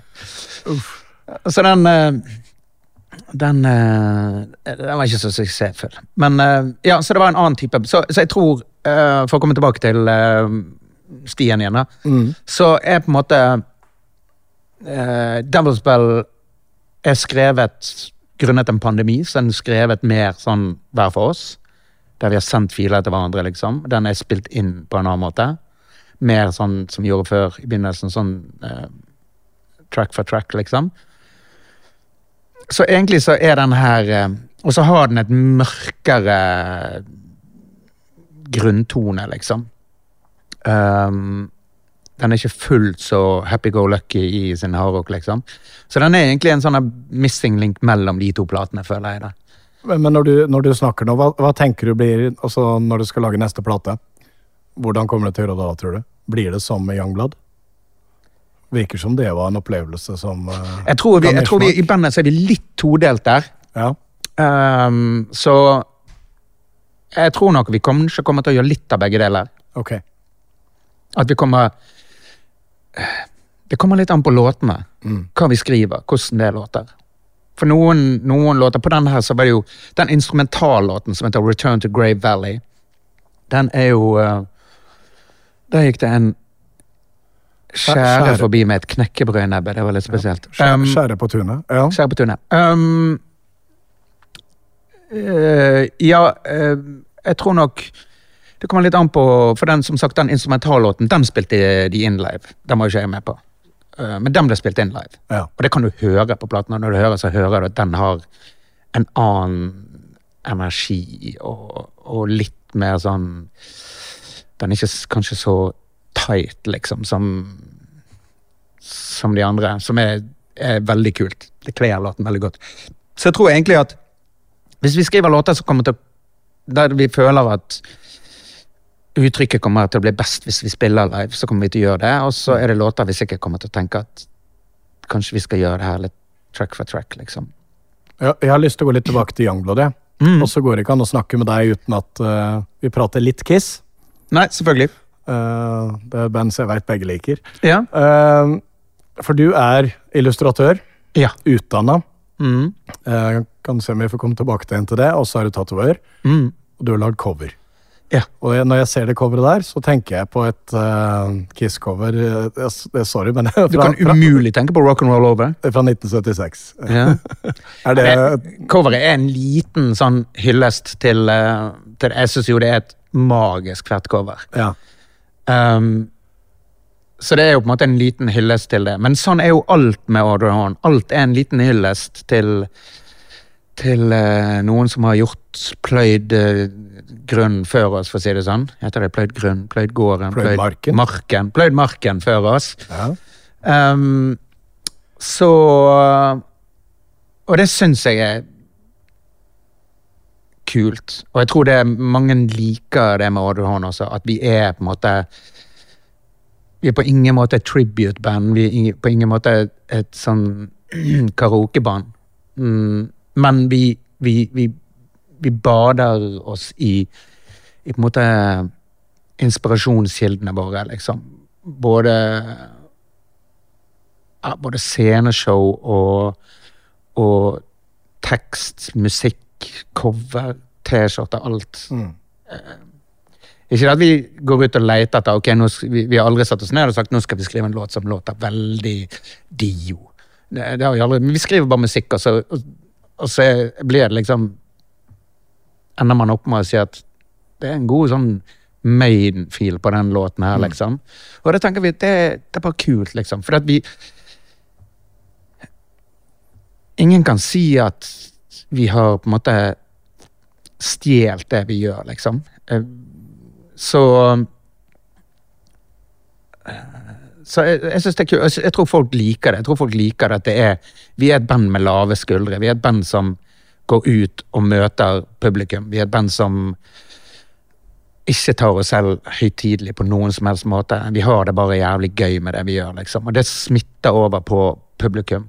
Eh, det vet jeg. Eh, og, og, og det får vi veldig mye feedback på, at, at folk sier at det er så gøy å se dere. For det, det, det er så gøy at vi ser at dere har det gøy, liksom. Som er en veldig, veldig Som er fundamentet i å drive med musikk, etter min mening. Altså en av de, det kommer jo an på hva type musikk, sånn, men, men det vi driver med, handler ikke om å redde verden eller eh, Eller eh, finne opp hjulet, liksom. Det, det handler bare om å Her fins en viss mengde dynamitt som noen laget f før oss, men vi kan bruke den dynamitten til å sprenge etter den til luften med, liksom. Sant? Men, så, men sånn tilbake igjen til det med, med illustratør, da. Mm. Uh, og tatover. Altså, jeg hadde Unni Wilhelmsen og Tom L forrige, forrige gang her, og snakka litt om linken mellom det og også kreativiteten, det å kunne tegne. Hun nevnte Sol Heilo, hun nevnte Jørn Hoel, hun nevnte masse andre som var flinke, altså musikere, som og tegna. Ser du, får du brukt eh, Klarer du å få brukt det eh, om hverandre? For, for meg så henger det veldig godt sammen. Jeg har det sånn jeg har det sånn at i perioder når jeg driver veldig mye med å skrive musikk, så tegner jeg lite. Og når jeg tegner veldig mye, så skriver jeg lite musikk. Eh, men når jeg tegner, så henter jeg veldig mye inspirasjon fra musikk. Eh, når jeg lager eh, illustrasjoner, så er det, så er det veldig ofte inspirasjon fra tekster eller musikk eh, og sånn. Og motsatt, når jeg skriver tekster, så henter jeg mye inspirasjon fra fra, fra illustrasjoner, fra film, fra eh, fra litteratur og fra tatovering. Veldig mye fra tatovering. Fordi tatovering er veldig Tradisjonell tatovering handlet om å fortelle noe Ja. med et bilde. Eh, Du var sjømann, du hadde krysset Atlanteren, du hadde rundet Kapoen, du hadde Uh, Du savnet familien din, du hadde en uh, kulturell og en, og en geografisk tilhørighet. Alle disse tingene ble fortalt gjennom tatoveringer. I fengsler så er det et strengt hierarki. Der forteller Der bruker de jo basically tatoveringer på samme måte som man bruker eh, spesielt russiske fengsler, liksom sånn, som har en e helt egen tatoveringskultur og historie. Der bruker man den på samme måte som i militæret man bruker stjerner og vinkler, liksom. Sant? Det, øh, og du hadde Du hadde Altså helt ned på det planet at, at sånn i russiske fengsler så kunne du kunne du på en måte eh, Prostituerte hadde en naken dame på brystet som fortalte at du var prostituert, men at du var en profesjonell yrkesutøver. okay. Og du fortjente respekt gjennom det. Altså På et helt sånn banalt plan, liksom. da. Som kan virke helt idiotisk i dag, men, men ut ifra det så kommer veldig mange av mine tekster, liksom. Og, og spesielt eh, sjømannshistorien og kulturen der eh, via tatovering er jo har jo nesten et eget språk, kan du si, som jeg har brukt veldig mye i tekstene mine. Så hvis du går gjennom alle Audrey-Horn-tekstene, som jeg har skrevet absolutt alt, så vidt jeg kommer på. Det er noen som kanskje har vært inne med noe pitchet inn med noen, eh, noen linjer her og der, men ellers har jeg skrevet alt. Så vil du se at veldig mye handler om havet Mm. Det har jeg lagt merke og et maritimt tilsnitt. Og det er fordi at det er den kulturen fascinerer meg. Den um, Og som jeg har sagt mange ganger før, det, det er egentlig et, et skip til havs. Er egentlig et perfekt bilde på verden. Du er en viss antall mennesker samlet om bord på et, en skute, og du er nødt til å finne en måte å fungere sammen. Og du kan ikke hoppe av. Det er ikke, det er ikke en Det er ikke en det er ikke en, en, en, en løsning på noen som helst måte, liksom. Og sånn er jo litt verden også. Altså, vi, vi er liksom Selv om det akkurat i disse tider virker som om alle har glemt det. Men, eh, men det er jo litt sånn her. Så jeg har ofte brukt på en måte et skip på hav-tematikken for å si noe om, om verden. Selv om jeg, jeg skriver jo ikke tekster som, som på en måte skal fortelle en veldig dyp historie, eller, eller skal gi et politisk statement, eller noe sånt med et par unntak der jeg har gjort det. Som regel så skriver jeg tekster som jeg syns kler låtene, som skal på en måte eh, Det er liksom Jeg har sagt i mange intervjuer, eh, så jeg kan gjenta meg selv litt, men det er litt sånn Hvis du skal ut av huset ditt, så kler du deg forskjellig for forskjellige anledninger. Hvis du skal i en begravelse, så kler du deg på en viss måte. Hvis du skal på en fest, så kler du deg på en annen. Hvis du skal på jobb, så kler du deg sånn. Hvis du skal bare gå tur, så kler du deg sånn. sånn. Og litt sånn er det med, med når jeg får låter fra Thomas og Arve, så er det litt sånn Hva kler den låten her best, liksom? Eh, og de kom jo med en del ting som var litt mørkere, og da automatisk så begynte jeg å skrive litt mørkere tekster, liksom. For det, det føltes naturlig å skrive det istedenfor å skrive en tekst som eksempel Tales from the Crypt fra, fra Hva måtte jeg tenke Fra Pure Heavy-platen, som er veldig sånn rock'n'roll rock liksom. Sånn. Så, så sånn sett så så, eh, så er jo tekstene mine preget av tegning og alt rundt det, liksom, og motsatt, liksom. Det, det inspirerer hverandre, liksom. Og så er det en perfekt jobb å ha som tatover å være musiker, altså, fordi at jeg kan styre min egen tid. Så når jeg er ute og reiser nå, så trenger ikke jeg søke permisjon for å dra på turné. Da sier jeg bare at den perioden er jeg vekke, så da kan ikke jeg ha kunder. liksom. Ok. Så det er ingen som sier noe på det, liksom. Og så tatovering og rock'n'roll hører jo sammen, altså. Ja, ja. Det gjør jo det. Nå sitter jeg og sier ja, ja, jeg har ingen. Men uh... Nei, nei, men I dag så er det jo kanskje det mest rock'n'roll du kan gjøre, ikke ha en tatovering. ja, det er kanskje det. Hvis jeg vi tenker oss om. Men du, du eh, nevner dette med å kle seg. Altså, jeg har fått et lite innspill her. Er du eh, er du motebevisst? Skal vi se hva han sa. Han er st- stilfull, og det er ikke tilfeldig, er en som har sagt om deg. Oi! Har noen sagt det om meg? Ja. altså, jeg er forfengelig. Eh, Det er, Ja. Jeg er opptatt av uh, hvordan jeg ser ut. Ikke til et sånt tåpelig uh, Jeg uh, er jo tilhenger på ett på en måte så er jeg litt tilhenger av denne less is more-tanken. Det er noe med at når folk spjåker seg for mye til, så blir det litt sånn påtatt.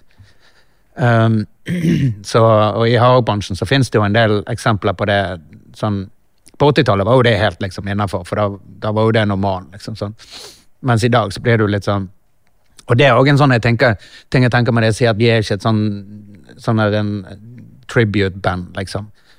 Det, for det er noen band som blir litt for altså, De skal hente frem 80-tallet på alle plan, eller 70-tallet, sånn, med sånne tyske kadaver og, Ja. og, og sånn som blir liksom Alle bilder ser ut som de er tatt i 1972, og, og, de har hår og klær, og, de går i studio og så produserer de på en måte så høres, det høres ut som platen er spilt inn i 1972. Da tenker jeg at Jesus Christ, kan ikke du bare sette på den første Black Sabbath-platen og bli ferdig med det? Liksom, sånn.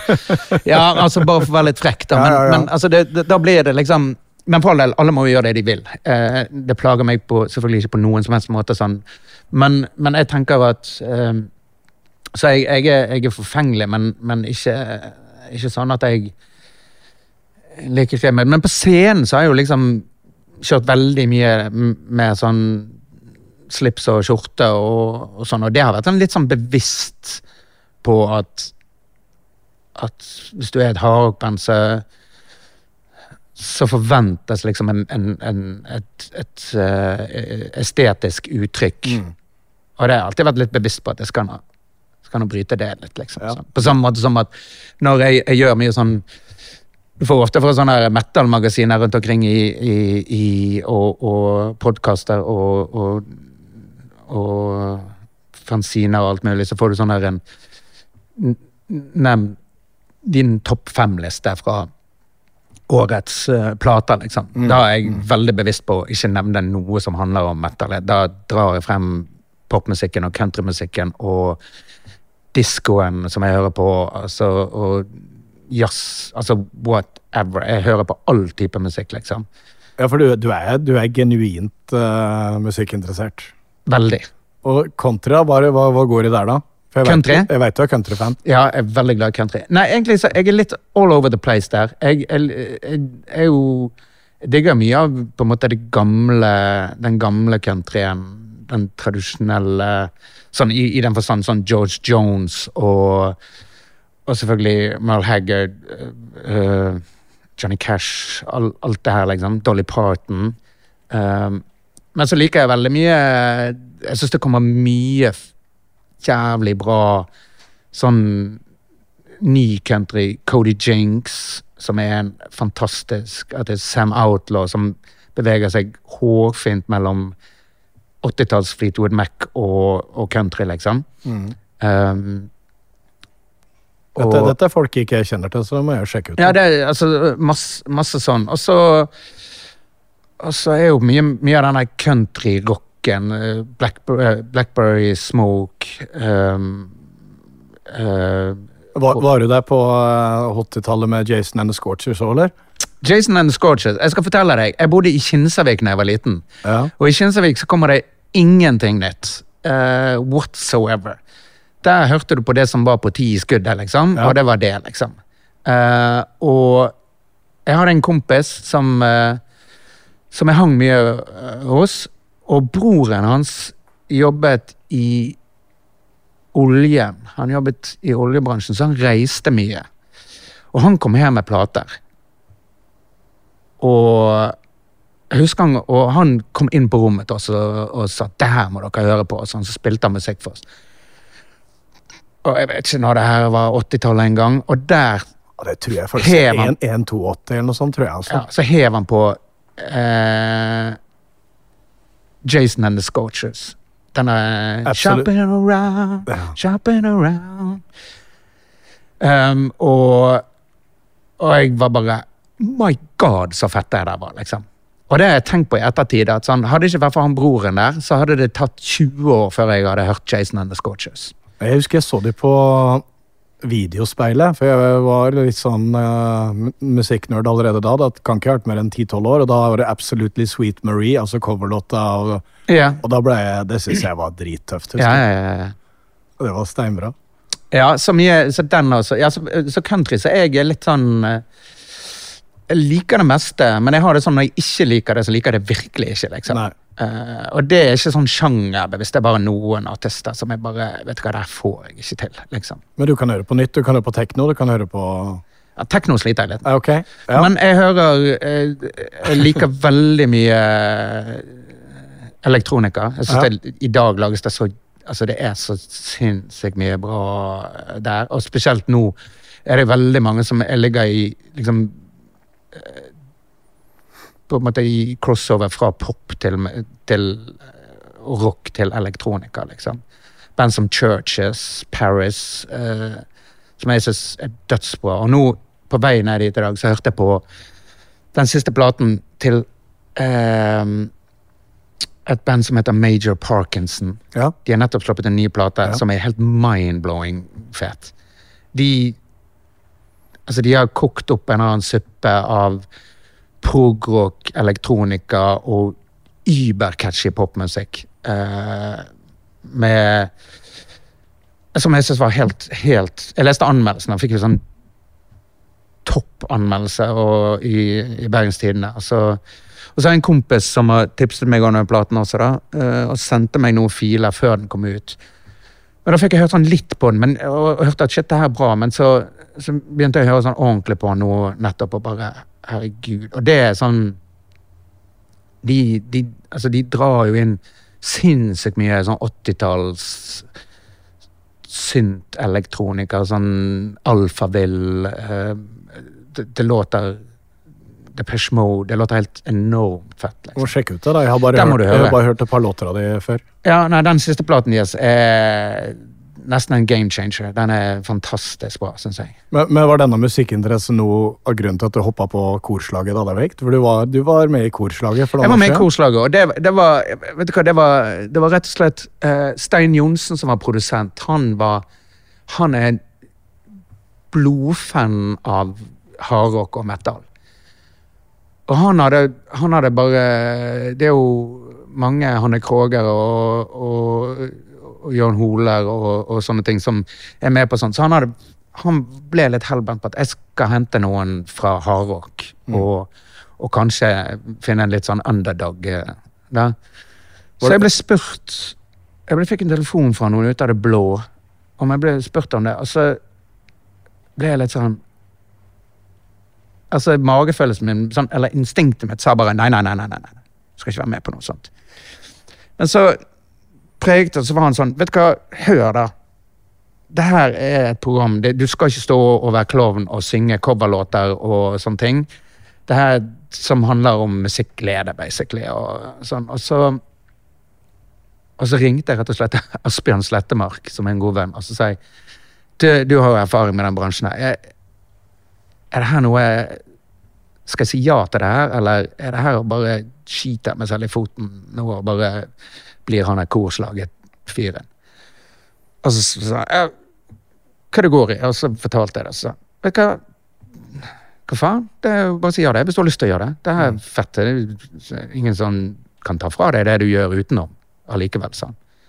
Tenkte jeg, Det er jo faen helt logisk.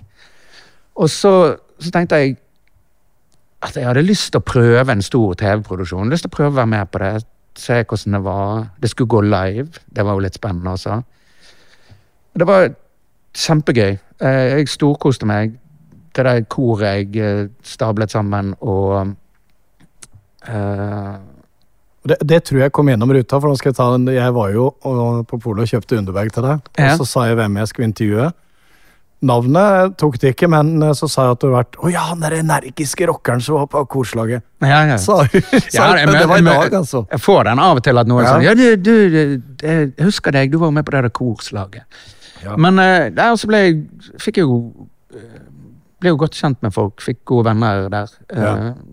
Wenche Ja. Knutsen som superkul dame. Vinni. Og ikke minst Stein Johnsen, produsenten, som jeg virkelig ble veldig kompis med og har masse kontakt med i dag. liksom. Eh, kjempe, kjempefet fyr. Så, så det var, det var bare Men eh, og TV-bransjen fungerer jo sånn at når du har gjort noe sånt, så så vil alltid andre også ha det med. Så jeg fikk jo masse forespørsler etterpå. Alt mulig idiotisk skeit som jeg bare Nei, vet du hva. Fire stjerners middag? Jeg, jeg tror ikke Nei, det. nei. Nei, altså Men det der var mer deg. Da var ja, det ja, musikk. for det, ja. Og det er ikke bare altså Du har jo Jeg veit at du er en kattemann. Så Ja. den musikkinteressen din, den, den gir jo navn til kattene. Du, har en, du, må, du må ta en liten en om eh, en berømt katt som heter Araya. Ja, Araya, ja. Hun endte jo opp med å bli, eh, bli ehm, eh, rikskjendis, nesten. For hun, hun gikk jo på på Hver dag gikk hun ut, og så gikk hun på universitetet, og så hang hun der. Og så endte hun opp med å bli sånn maskot. For, for studentene, ikke sant? Ja, for studentene, og endte opp med liksom sosiale medier og, og var på alle mulige kampanjer for universiteter. Og så til slutt så, så døde hun, dessverre. Og da, da hadde de jo sånn fundraising og laget en svær statue. Ja. Jeg har sett bilder. av at det Den ble stjålet, faktisk, den statuen. Og ikke kom til rette igjen, eller? Den ikke kom til rette. Oppkalt etter da Tom Araya Tom fra Slayer. Araya igjen. Ja, Ja, ja. Så da er musikkinteressen eh, smitter Ja, over så der. fikk jo en ja. ny katt. Den heter Billie Jean, etter uh, Michael Jackson. Det var jo før uh, Leaving Wonderland uh, Eller nei, var det Finding Wonder, Leaving Wonderland? Den dokumentaren om Michael Jackson. Ja, ja, Den ja, litt ja. stygge siden som kom fram etter hvert. Men Men, men når vi snakker om, eh, er, snakker om dyr, da. Jeg har et lyttespørsmål her. ja. Uh, stemmer det at uh, du våkna opp sammen med en geit i en bil? ja, det har jeg gjort. Få høre. Ja, det var med Sylvia Wayne de uh, hine hårde dager. Da var vi på turné og hadde spilt jeg, jeg husker ikke hvor vi kom fra og hvor vi skulle og sånn. Men da våkna jeg i hvert fall i en sånn liten van der eh, Der jeg våknet av Jeg tror jeg våknet av liksom smellet av døren som gikk igjen. Og så åpnet jeg øynene og så rett på en geit inni bilen. Da hadde de andre Jeg lå og sov, så de andre hadde båret en geit. Eller en eh, geit inn i bilen. Eh, noe som medførte total panikk. Eh, selv om hadde, hadde jeg vært litt samlet, så hadde jeg skjønt at den væren ville sikkert like mye ut av bilen som jeg ville. for å si det sånn. Men du våkna opp til dette, du? Jeg våknet opp til det. Ja, det kan jeg tenke meg. Så, så det var jo uh... Kan, kan du gjette hvem som kom med den uh, insiden der? Jeg tipper eh, Jeg spilte med Martin Holms, David Aasheim og Fredrik Rødberg, og jeg tipper at de tre kollektivt eh, klarte å spa opp den ideen der. Ja. Det handlet jo i det bandet så handlet jo, det, det som var litt fett med å spille i det bandet, var det at du visste til enhver tid at den som ikke var i rommet, han fikk pepperet. Mm. Og det var, det var aldri ondt ment, men du fikk jævlig mye pepper hvis du ikke var i rommet av de tre andre. Ja. Så vi var liksom eh, Tilbake til denne alle mot alle-slagsmålet. Det var liksom, det var fritt fremfor, og det var ikke noe sånn at noen var fredet i bandet, liksom. Så Men tilbake igjen til altså, På den tida der, var det da du, ø, du tegna For jeg nevnte at jeg har bodd i Bergen i fire år. Du tegna et kart over musikklivet i, i Bergen, ja. på Garasje. Mm. Veit du hvor det er blitt av?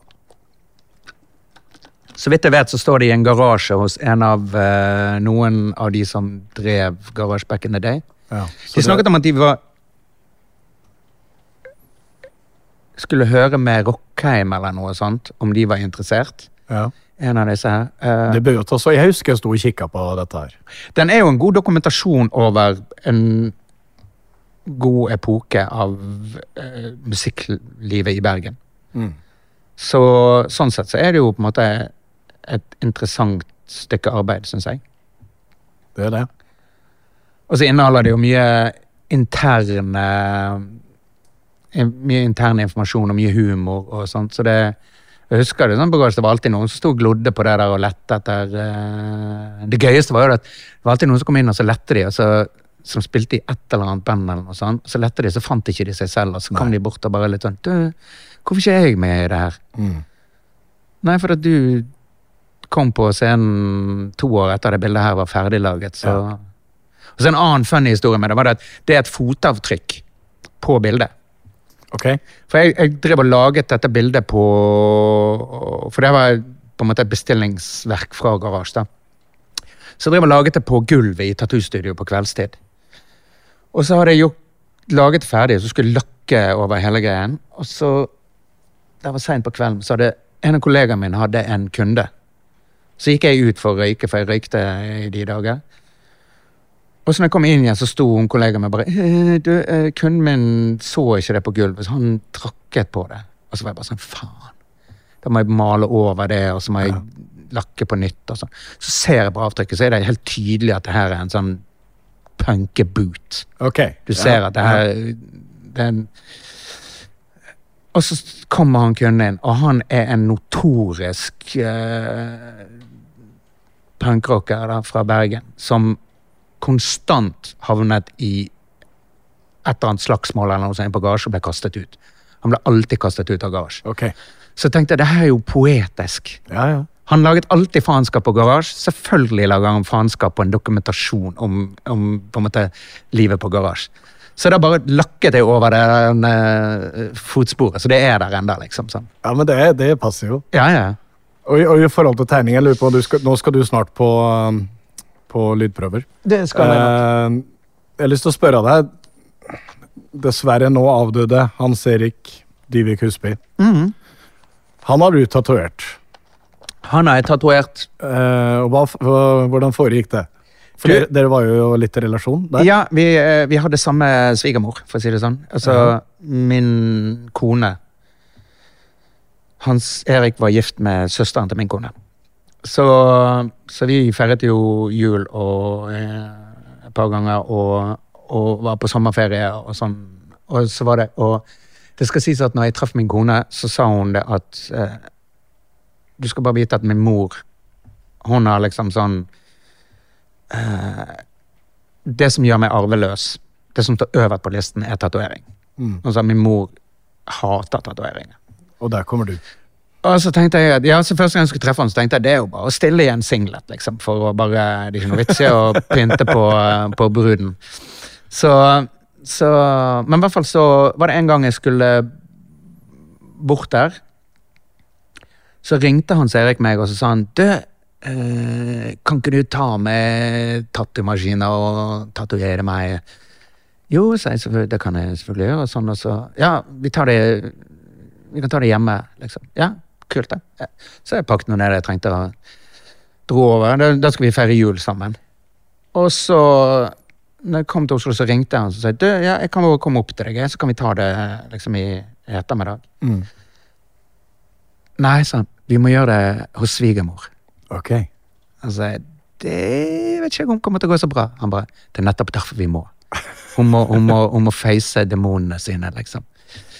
Så sa jeg, det er helt fine, han sier liksom, men du, du får ta den telefonen til, Ja, eh, ja. til svigermor. Ja, ja, ja, det skal han gjøre, så. Og, og, og så ble nå det, skulle vi gjøre det på kjøkkenet til, eh, til eh, svigermor.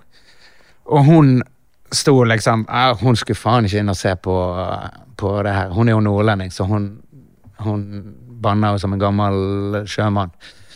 Det passer jo bra. Ja, ja, så hun var bare Jeg skal ikke stå og se på det mannskitet. Og, men sånn, etter hvert så kom hun jo inn da, og litt sånn nysgjerrig på hva, hva er det, hvordan foregår egentlig det her. Og sånn. Og i dag så er jo hun, er jo hun eh, Jeg tviler på jeg noen gang får traduert henne, da, men, eh, men i dag så liksom syns hun liksom at det jeg gjør, er, er liksom det, det er jo kunst, det er det hun driver med, liksom.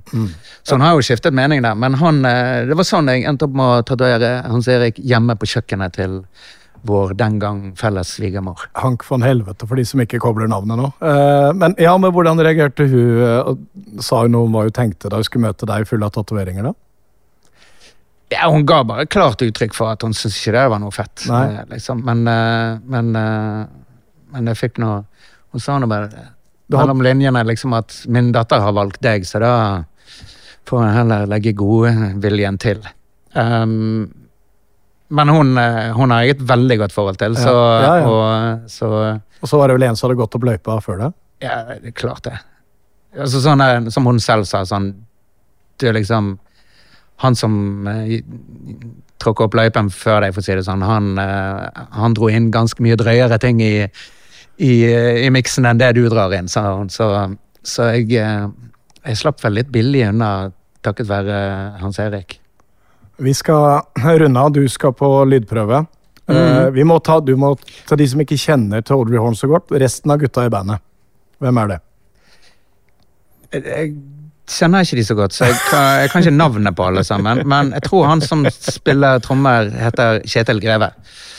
Og kommer fra Skansmyren i Bergen. Eh, på bass eh, Espen Lien, som er også hardcore bergenser. På gitar har vi Arve Isdal fra Stord.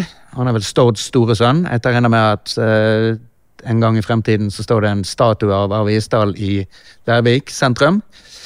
Utenfor Vinmonopolet, tenker jeg. Eh, på, han andre gitaristen heter Thomas Tofthagen. og Han er fra Rykken i eh, eh, Oslo. Um, eh, om Thomas så kan man vel si det at hvis du hvis du prøver å diskutere eller presentere han for noe som er gjort musikalsk eller cinematisk eller hva som helst som er gjort etter si 1990 et eller annet, så kan du bare drite i det. Da er ikke han interessert. Um, uh, og det er vel hele orkesteret. Ja, så vidt og jeg så- vet. og så har vi deg. Og så meg. som eh, er da han eh, litt forfengelige fancy boyen som eh, sitter og sitter og drikker hvitvin og gråter til country eh, i all hemmelighet hjemme Ja. på kveldstid. Og nå, nå skal vi eh, Vi skal avslutte med From Darkness. Ja, Hvorfor det? Det er fra siste skiva, det òg. ja. Fordi det er også en av mine favorittlåter. Jeg syns platen vår åpner og slutter aller best. Eh, alt mellom kan du egentlig bare skippe. Spiller første og siste, skipper frem til siste låt, så har du egentlig hørt det beste med platen. Så da kan du drite i resten. Uh, From Darkness har uh, Den har en sånn groove og Det er på en måte en av de låtene som som jeg føler har en sterk link tilbake til uh, til eh, den Audrey Horn-platen, treplaten. Den har eh, Jeg er veldig fornøyd med vokalarbeidet på den. Eh, og den har eh, Den har stemning i seg, og ja, jeg bare liker den låten veldig, veldig godt. Rent tekstmessig så har jeg tok jeg egentlig utgangspunkt avslutningslåten på Den endte jo opp som en avslutningslåt på platen, og det var min intensjon hele tiden.